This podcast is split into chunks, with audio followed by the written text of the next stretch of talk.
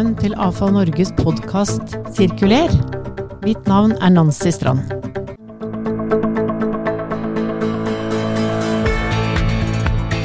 I første episode i høst skal vi ta tempen på avfalls- og gjenvinningsbransjens utfordringer. Og så må vi ta en prat med noen folk i Avfall Norge for å høre om hva som er planene denne høsten. Aller først eh, til deg, Cecilie. Cecilie Lind, som er administrerende direktør i AFA Norge. Du har jo nå akkurat uh, vært på Arendalsuka, og du har sett litt hva som rører seg nå i, i, av mange temaer. og Jobben din har jo vært å nå på en måte framsnakke og posisjonere bransjen uh, i denne settingen her. Så hvordan opplever du at, uh, at man ser på avfalls- og gjenvinningsbransjen i i det store bildet? Det er jo litt todelt. Jeg opplever jo et etter det arbeidet som vi har hatt nå over lang tid med å jobbe med næringspolitisk program, at vi begynner å, å, nå igjennom til mange politikere. Men vi har jo ennå ikke nådd liksom høyt opp på den politiske dagsorden sånn, selv om avfall faktisk ble nevnt på partilederdebatten så vidt eh, i år. Så det er et sånn, litt sånn strekk i uh, hvordan det oppleves. Um, og jeg og Kåre snakka litt om det før i dag, at uh, at klima- og miljødebatten den handler liksom om de veldig store tingene og alle problemene. Og så har jo vi i avfallsbransjen eh, noen løsninger da, som vi veldig gjerne vil, eh, vil, at flere skal få øynene opp for. Og det er definitivt på glid. og jeg ser jo sånn som Barendalsuka nå, så er det mange arrangementer som går på sirkulær økonomi og bærekraft. Og vi blir spurt av nye miljøer om å komme og snakke fra vårt perspektiv. Så det er definitivt um, på vei framover, da. Ja. ja. Mm -hmm. Og det, Vi skal komme enda litt eh, tettere inn på, på, på politikken her, her, etterpå. Men dette, denne Det er ikke så veldig lenge siden vi sa at sirkulærøkonomi det er for spesielt interesserte. Men jeg opplever vel at liksom dette år for år nå, så, så er dette blitt et allemannseie i mye større grad. Er det ditt inntrykk? Ja, det er, det er det, altså. Det er flere og flere som snakker om det, og flere og flere som har en forståelse for hva begrepet omhandler. Men det er nok fremdeles veldig sånn eh, næringslivsorientert, da. Så i, den, i, liksom, i, de, i, på, i middagssamtalene og hjemme så tenker jeg at sirkulærøkonomi kanskje ikke er et tema. Men i, B2B og business to business-virkeligheten så er det jo mange etter hvert som har et forhold til det, og som, og som begynner å komme seg liksom ned i grøten, da, og ikke bare berører seg liksom helt på overflaten av hva dette her skal dreie seg om, men som begynner å får litt retning på det i sin egen virksomhet. Mm. Og mm. da dukker jo plutselig vår bransje opp da, på radaren, ikke sant? når man begynner å interessere seg for detaljene og hele, hele verdikjeden og hele kretsløpet. Så ja. det, mm. det, er bra. Ja, det er veldig bra. Og, og, og løsningene, ikke minst. Altså vi, skal vi komme oss liksom fra problemhakket nå og, og, over til ja, men hva gjør vi da? Uh, ja, og da er det jo sånn Jeg ble invitert av Hydro blant annet, til å komme og sitte i en, faktisk en stol ikke sant, som de har lagd. og Der har de tenkt gjennom alt fra designet for uh, ombruk og demontering, men også hvordan materialene skal inn, og hvordan dette, denne stolen skal se ut for å vare over lang tid.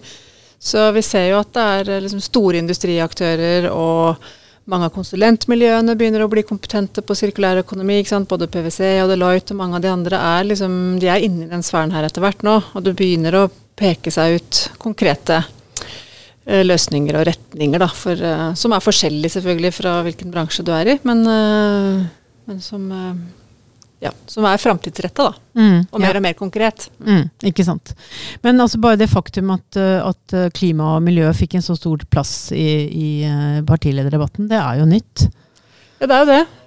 definitivt. Så er det litt synd at den Eh, tenker jeg at den blir så negativt uh, fokusert. da. Jeg skulle ønske at man klarte å presentere litt mer løsninger for folk. Um, og der kommer jo typisk da vår bransje med, med tilbud om konkrete løsninger. da. Og også arbeidsplasser og, og um, ting som skjer på en måte der hvor du faktisk bor. Så, så, det skulle vi gjerne få enda mer oppmerksomhet på. Men som jeg sa innledningsvis, så opplever vi større og større interesse for det blant enkeltpolitikerne. og og interessant nok også i hele det politiske miljøet. Ja. Og det syns jeg er det mest, kanskje det mest spennende. da, At det her er det ikke noe, det er ikke de tradisjonelle fløyene og det er ikke de grønne partiene bare som er interessert. fordi dette er jo arbeidsplass og næringsliv og industri og alt sammen egentlig på en gang. Så det treffer alle, og vi ser at alle er interessert og, og har etter hvert et språk og en forståelse for det, da, også i det politiske miljøet. Så det er interessant. Mm, mm. Og på kryss og tvers. Mm. Ja. Men har vi nå med oss uh, hele bransjen? Altså, hva, hvordan oppfatter du at liksom, bransjen står nå rustet til å være den aktøren som ikke bare har løsningene, men som klarer å formidle de og, og være aktive der ute? Og bli forstått og sett og Ja, vi blir jo bedre og bedre. Uh, og så har vi sikkert en lang vei å gå enda, men jeg føler at det er mange som er, er på ballen. Og vi ser at det er større interesse. Sånn som i sommer har jeg fått når avfallsstatistikken f.eks. kom eh, i sommer, så ble det flere av mediene som ringte, store medier som ringer og spør. Så det er jo en økende interesse der ute. Og det er jo et resultat av at medlemmene våre der ute er flinke til å snakke med sine politikere og i næringslivsforeningene og rundt blant de de kjenner, da, om at dette er en tematikk som flere bør være opptatt av. Så det, det trikler oppover, ja. heldigvis. Ja. Mm. Mm. Både oppover og utover. Så, ja, ikke sant. Ja. Mm. Og så har vi jo ikke noe liksom vi har jo kanskje ikke noe ønske om å fremstå som en sånn superveldrevet lobbybransje heller, så det er jo liksom grenser for hvor langt vi skal gå. Men vi ønsker selvfølgelig gjennomslag for de viktige tingene for medlemmene våre. Så det, der er vi proffere og proffere, opplever jeg. Og, mm. har, og har en bredere og bredere kontaktflate mm, ja. mot det politiske miljøet, men også mot resten av næringslivet. Og det er jo også en, en helt avgjørende alliansepartner for vår bransje. Ja. Eh, at de andre som er en del av vår verdikjede, ja. Eh, er med på de budskapene som vi har. Vi ja. når ikke fram alene, så vi trenger det like mye som vi, vi jobber med det like mye som vi jobber med politikerne. Mm. Mm. Det er, er veldig sånn eh, gledelig å se hvordan eh, altså industrimiljøene, men også koblingen mellom eh, avfall og gjenvinning og energispørsmål eh, henger veldig nøye sammen. Klyngene, som, mange av dem etter hvert, og industrielle områder som har dette naturlig nå inne uh, i arbeidet sitt. Det dukker jo opp i alle næringer. Det er i handelsnæringen, og der er det ombruk selvfølgelig, og, og, forbruksperspektivet som er mye inne. Og så er det på industrien, og da er det på materialsida, og så er det på transport, på drivstoff og biogass. sånn at det, det treffer jo veldig bredt. Mm. Jeg pleier å si det, vi er jo involvert i alle bransjer, uh, rett og slett. Mm. Ja, det er jo det som gjør det så spennende. Ja. Så apropos nå, som du sier, vi, det er jo viktig for oss å da få gjennomslag uh, for uh, en del av de punktene som vi har satt opp uh, i det næringspolitiske programmet som for Norge har laget. Så da skal vi få inn vår næringspolitiske rådgiver, um, Kåre Fostervoll. Du, um, Kåre.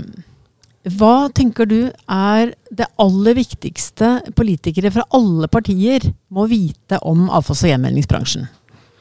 Eh, det beste de kan gjøre, er jo å lese det næringspolitiske programmet vårt. Eh, der har vi jo pekt på de viktigste, viktigste tingene. Men jeg tror siden jeg kom inn i Avfall Norge for et år siden, eh, så var det vel en erkjennelse jeg fikk ganske tidlig, at kunnskapsnivået om en så sammensatt bransje som, som det vi representerer, Eh, det var nok ikke så høyt politisk. Så det handler veldig mye for vår bransje, mener jeg, å eh, rett og slett informere om og dele kunnskapen vår.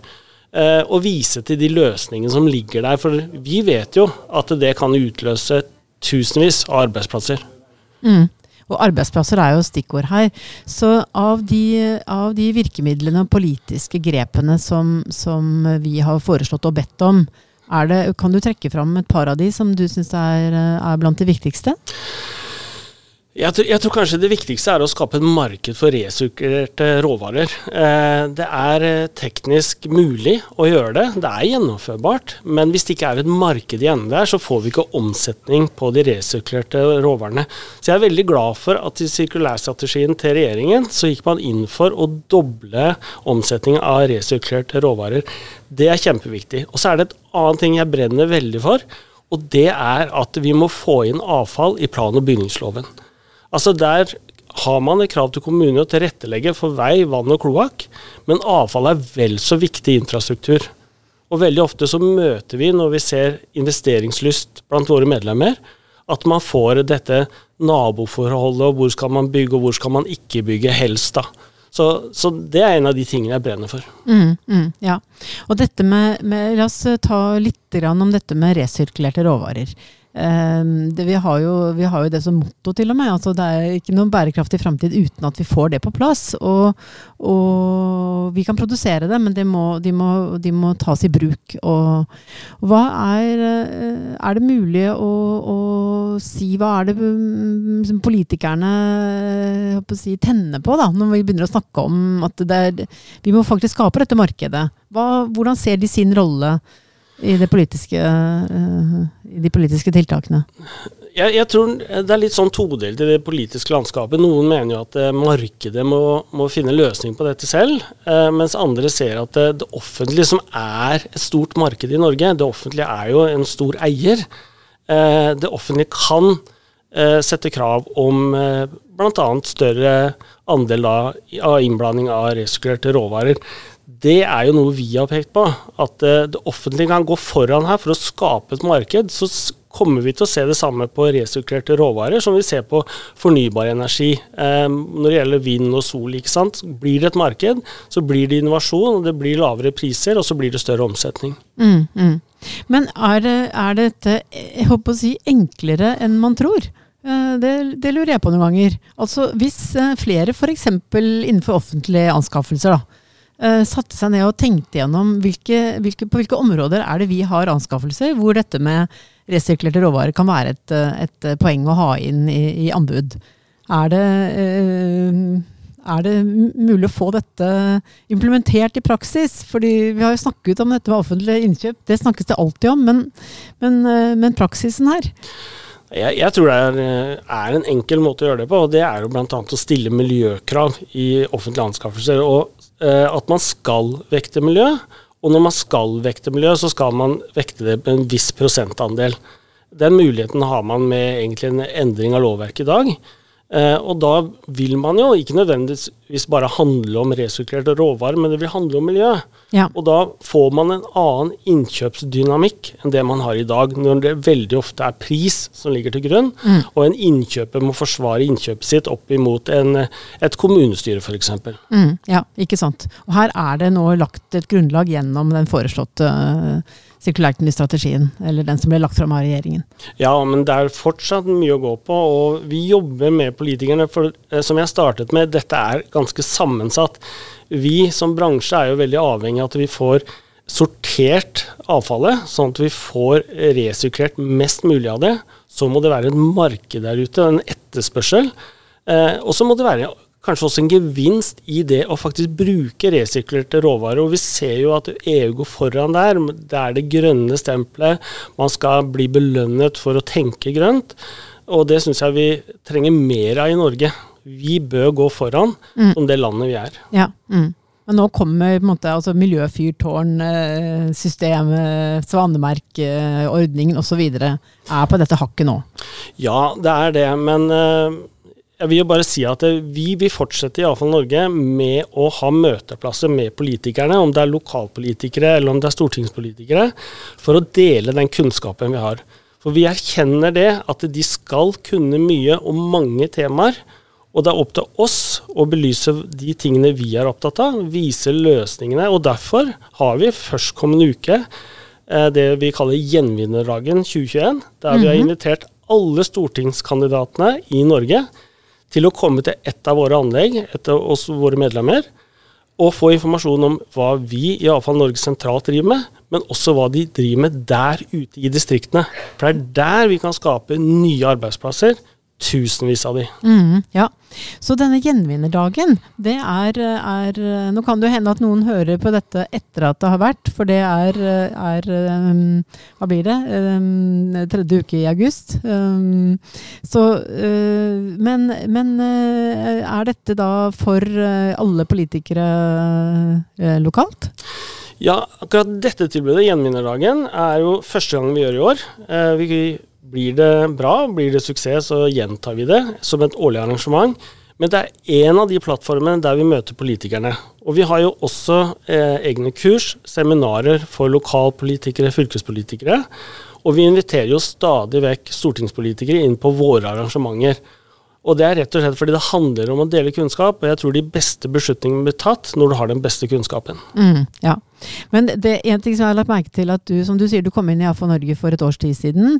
Og det er jo å se koblingen mellom de store liksom, nasjonale føringene. Nå i år er det stortingsvalg, men at dette også skal ha en lokal eh, implementering. Da. Så at, uh, dette har også en lokalpolitikk som uh, Og alle politikere kommer jo fra et lokalmiljø, som man har lyst til å se den koblingen.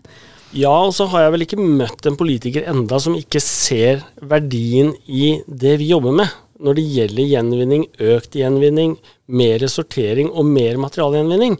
Mm. Eh, men det er noe med det at det, eh, man blir gjerne som i hvert fall rikspolitiker satt i en eller annen, et eller annet departement, nei ikke departement, men en eller annen komité, mm. og så jobber man med samferdsel. Ja. Og så er det bare samferdsel. Eh, men man er jo med alle 169 og tar beslutningen inne i salen. Så Derfor er det viktig for oss å nå ut til alle, men også vise ved eksempler lokalt at dette er noe som ikke bare handler om politikk, men det handler om ditt nærmiljø, det handler om dine naboer, dine venner. Og her har vi mulighet til å skape mange nye grønne arbeidsplasser. og Derfor er det viktig at vi deler den kunnskapen vi har, og ikke forventer at politikere som er veldig opptatt, kan alt om dette. Mm, mm.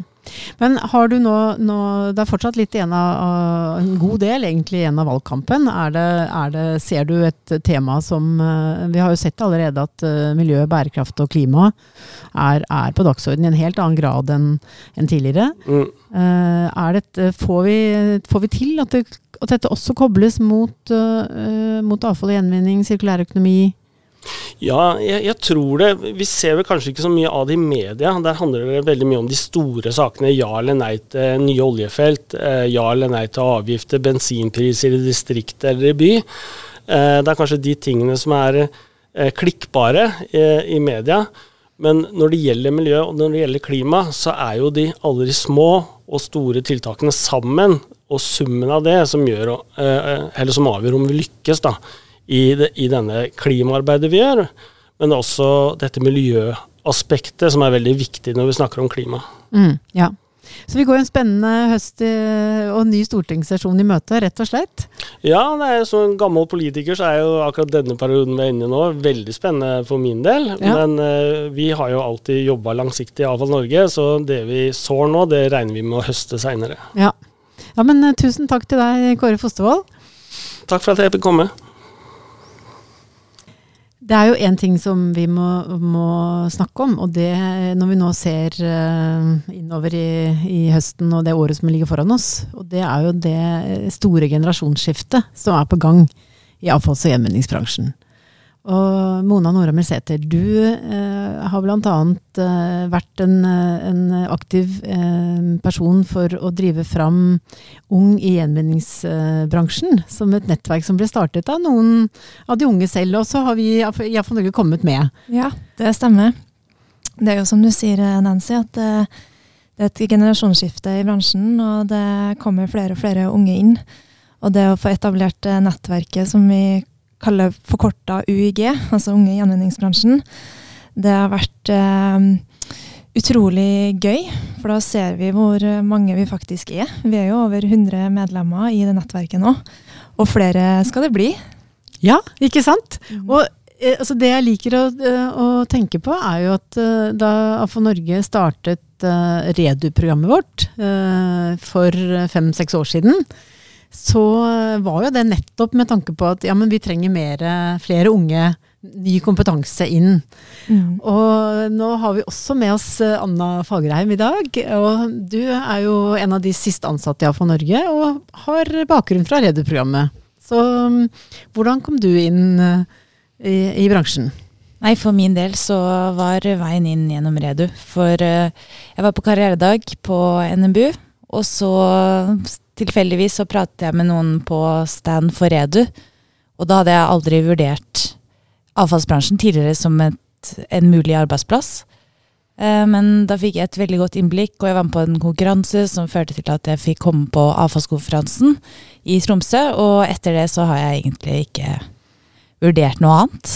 Det, det ble en veldig sånn eye-opener, den, den muligheten jeg fikk der, da. Ja. Mm.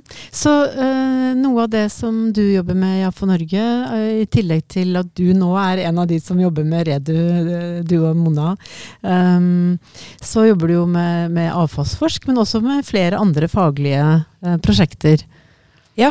Eh, I tillegg til eh, Avfallsforsk, der har vi jo jobba mye med de ukentlige webinarene vi har eh, starta opp i september i fjor og har hatt uh, hver uke siden, som har vært veldig lærerikt og artig. Uh, så har jeg i tillegg jobba med en del med bio. Der har vi bl.a. et prosjekt på uh, bruk av poser til innsamling av matavfall. Hvor vi ser på om hvilke posetyper som er de det mest Det er også man skal anbefale til, til kommunale um, avfallsselskap. Mm. Som er superspennende. Men den, eh, den, eh, den, kompetansen som vi ser inn i bransjen eh, nå, og som vi jobber videre med i Redde-programmet, og, og, og, også gjennom Unge i gjenvinningsbransjen, nettverket, så hva, hva, blir det viktigste nå i det året som ligger foran oss? Nei, Vi ser jo det, det som du sier Nancy, at vi har jo hatt Redde-programmet i fem-seks år. Og nå har vi hatt UiG i ett år. Vi ser jo resultatene. Vi ser at de som har vært med i Redde-programmet, ønsker seg inn i bransjen. Vi ser nå har de kommet til bransjen. Og jeg tror ikke det vil stoppe her, da. Vi hadde over 900 søkere til årets internship. Og vi håper på at det blir like mange neste år og året etter der. Så det å få ønske dem velkommen inn i bransjen, Eh, samarbeid med flere universiteter, ikke minst, som vi også jobber med. Fordi vi ønsker jo at sirkulærøkonomi og gjenvinning skal være en del av Altså det er en viktig kompetanse i framtida, da. Mm, ja. Mm. Da er det jo ekstra gøy at uh, studentene reagerer så positivt og har lyst til å, å være med videre. Mm. Og jeg er sikker på at UiG kommer til å i hvert fall fordoble seg til neste høst. Ja. Så nå må vi bare ønske dem inn i, i prosjekter, aktiviteter, og, og ut på, på, scenen, enten det er digitalt eller, eller fysisk etter hvert. Uh, så vi får synliggjort uh, så mye flott kompetanse som vi får inn i bransjen nå. Det stemmer. Supert. Tusen takk til dere, Anna Mona. Takk selv. Takk. Altså, AFA Norge har jo øh, nå øh, en rekke ting på gang. Vi har, øh, vi har, hørt hvordan vi nå jobber både politisk, vi har hørt litt om hvordan, hvordan unge nyutdannede fosser inn i bransjen og står for et generasjonsskifte. Men Sara Wilsgård, du er jo medlemsansvarlig og, og, jobber med kommunikasjon i AFA Norge. Så liksom Jeg vet ikke om alle er klar over det, men AFA Norge har jo en veldig sammensatt medlemsmasse. Ja. Ehm, så et eksempel på Er det mulig å kalle er det mulig, Har vi et typisk medlem, f.eks.? Nei, altså Det som er unikt for uh, AFL Norge, er jo at vi er den eneste organisasjonen som samler hele bransjen. Uh, ved at vi både har kommunale aktører, kommuner, IKS-er, uh, private uh, gründervirksomheter, returselskapene. Alle, alle samles hos oss. Uh, og det gjør jo at du får en helt unik sammensetning av fagmiljøer problemstillinger, prosjekter osv. Så, videre. så eh, sånn sett er det vel lærerikt også eh, å kunne samle oss alle i bransjen på ett sted. Eh, møtes på ulike problemstillinger og prøve å finne felles løsninger på mm. disse. Mm, mm. Men når medlemmene eh, kontakter AFO Norge, er det noen fellesnevnere som, eh, som, eh, de, de, som er bakgrunnen for at de tar kontakt? Det varierer jo veldig. Og, det er også bakgrunnen til at vi har så uh, variert medlemsmengde. Så spørsmålene kan være alt for ja, veldig knytta til kommunikasjonsrelaterte uh, merkeordninger f.eks. til uh, større utfordringer på politisk nivå eller andre faglige, tekniske spørsmål som vi gjør aller beste for å imøtekomme disse på best mulig måte. Mm, ja. Og eh, et viktig arbeid fremover er jo også møteplassene. Og det er jo medlemsundersøkelser har jo vist at møteplassene eh, er en viktig motivasjon for å være med i en, en sånn felles bransjeorganisasjon som AFA Norge er. Så um, Marie Esselberg, du, jo, eh, du kommer jo inn i, i AFO Norge midt i en uh, digital tid, vi, må vi vel kunne si. Så, så, og du jobber som fagrådgiver på flere fagområder, men du har også fått et særlig ansvar for møteplassene våre. Og Hva er det som kommer til å kjennetegne de fremover?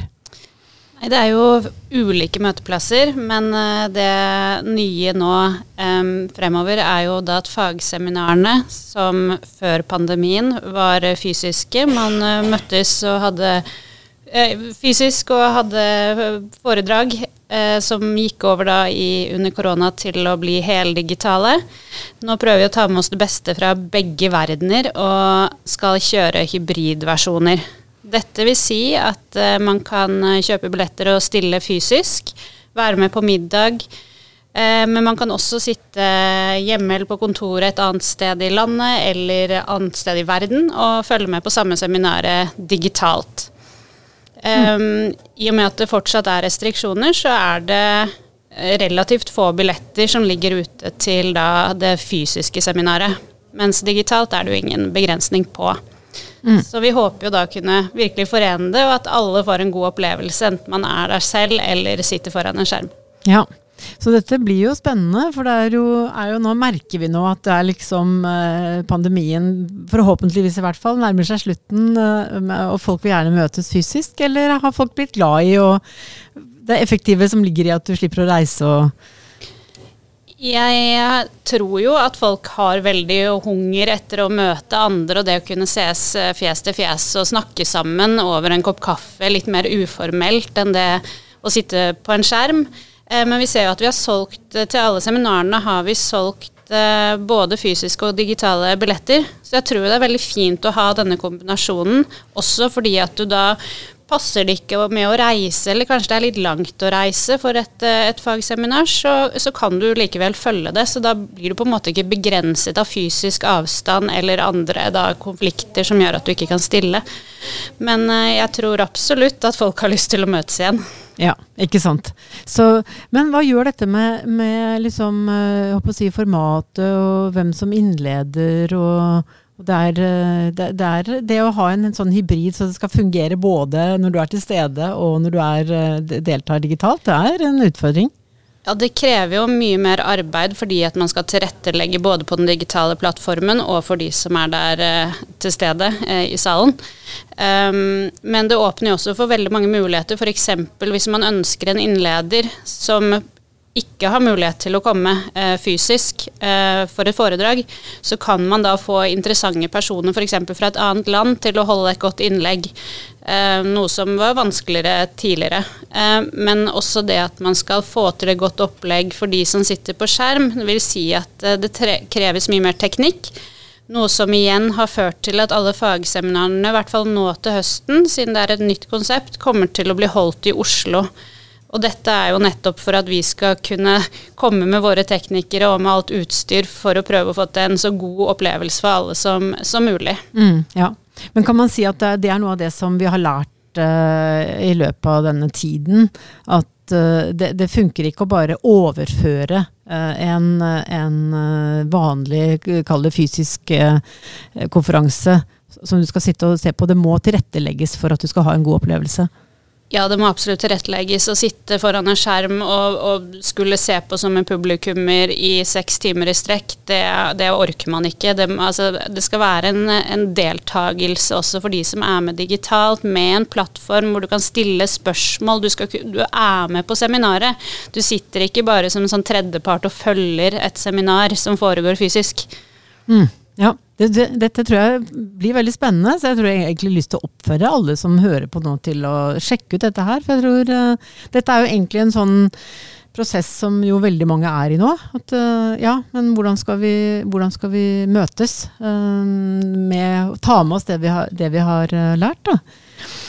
Men det var én ting jeg hadde lyst til å berøre nå helt til slutt, og det er jo på en måte kommunikasjonen med medlemmene. Og, og, er alle medlemmene våre klar over at eh, vi sender ut to veldig informative nyhetsbrev eh, i uka, Sara? Eh, vi har jo ganske god åpningsprosent på de nyhetsbrevene vi sender ut. Eh, og eh, vi oppfordrer jo stadig vekk til å følge våre nyhetsbrev. Det er åpent for alle å følge disse her, og del gjerne med kollegaer. Og nyhetsbrevene handler jo om å holde seg oppdatert på siste nytt fra bransjen som vi skriver, og selvfølgelig informasjon og invitasjoner til de kurs og arrangementene som vi har. og så har vi jo andre kanaler til nyhetsbrevet med sosiale medier, Facebook, Instagram. Vi legger jo ganske mye materiell også ut på YouTube eh, i forbindelse med de digitale seminarene som vi har. Så vi prøver jo å imøtekomme mellom våre på de ulike kanalene som er mulig å nå de på. Ja, ikke sant. Så det er, ikke, det er egentlig ikke Det finnes ikke en kanal hvor AFO Norge ikke er til stede, liksom. Vi er eh, Ikke på TikTok, det har vi ikke prioritert. Det, det, har vi ikke kommet ennå. Nei, det, der er det jo flere i bransjen som har prøvd seg. Ja. Um, det kan kanskje bli um, en, Flere som noe som vi vurderer. Mm. Ja. Mm.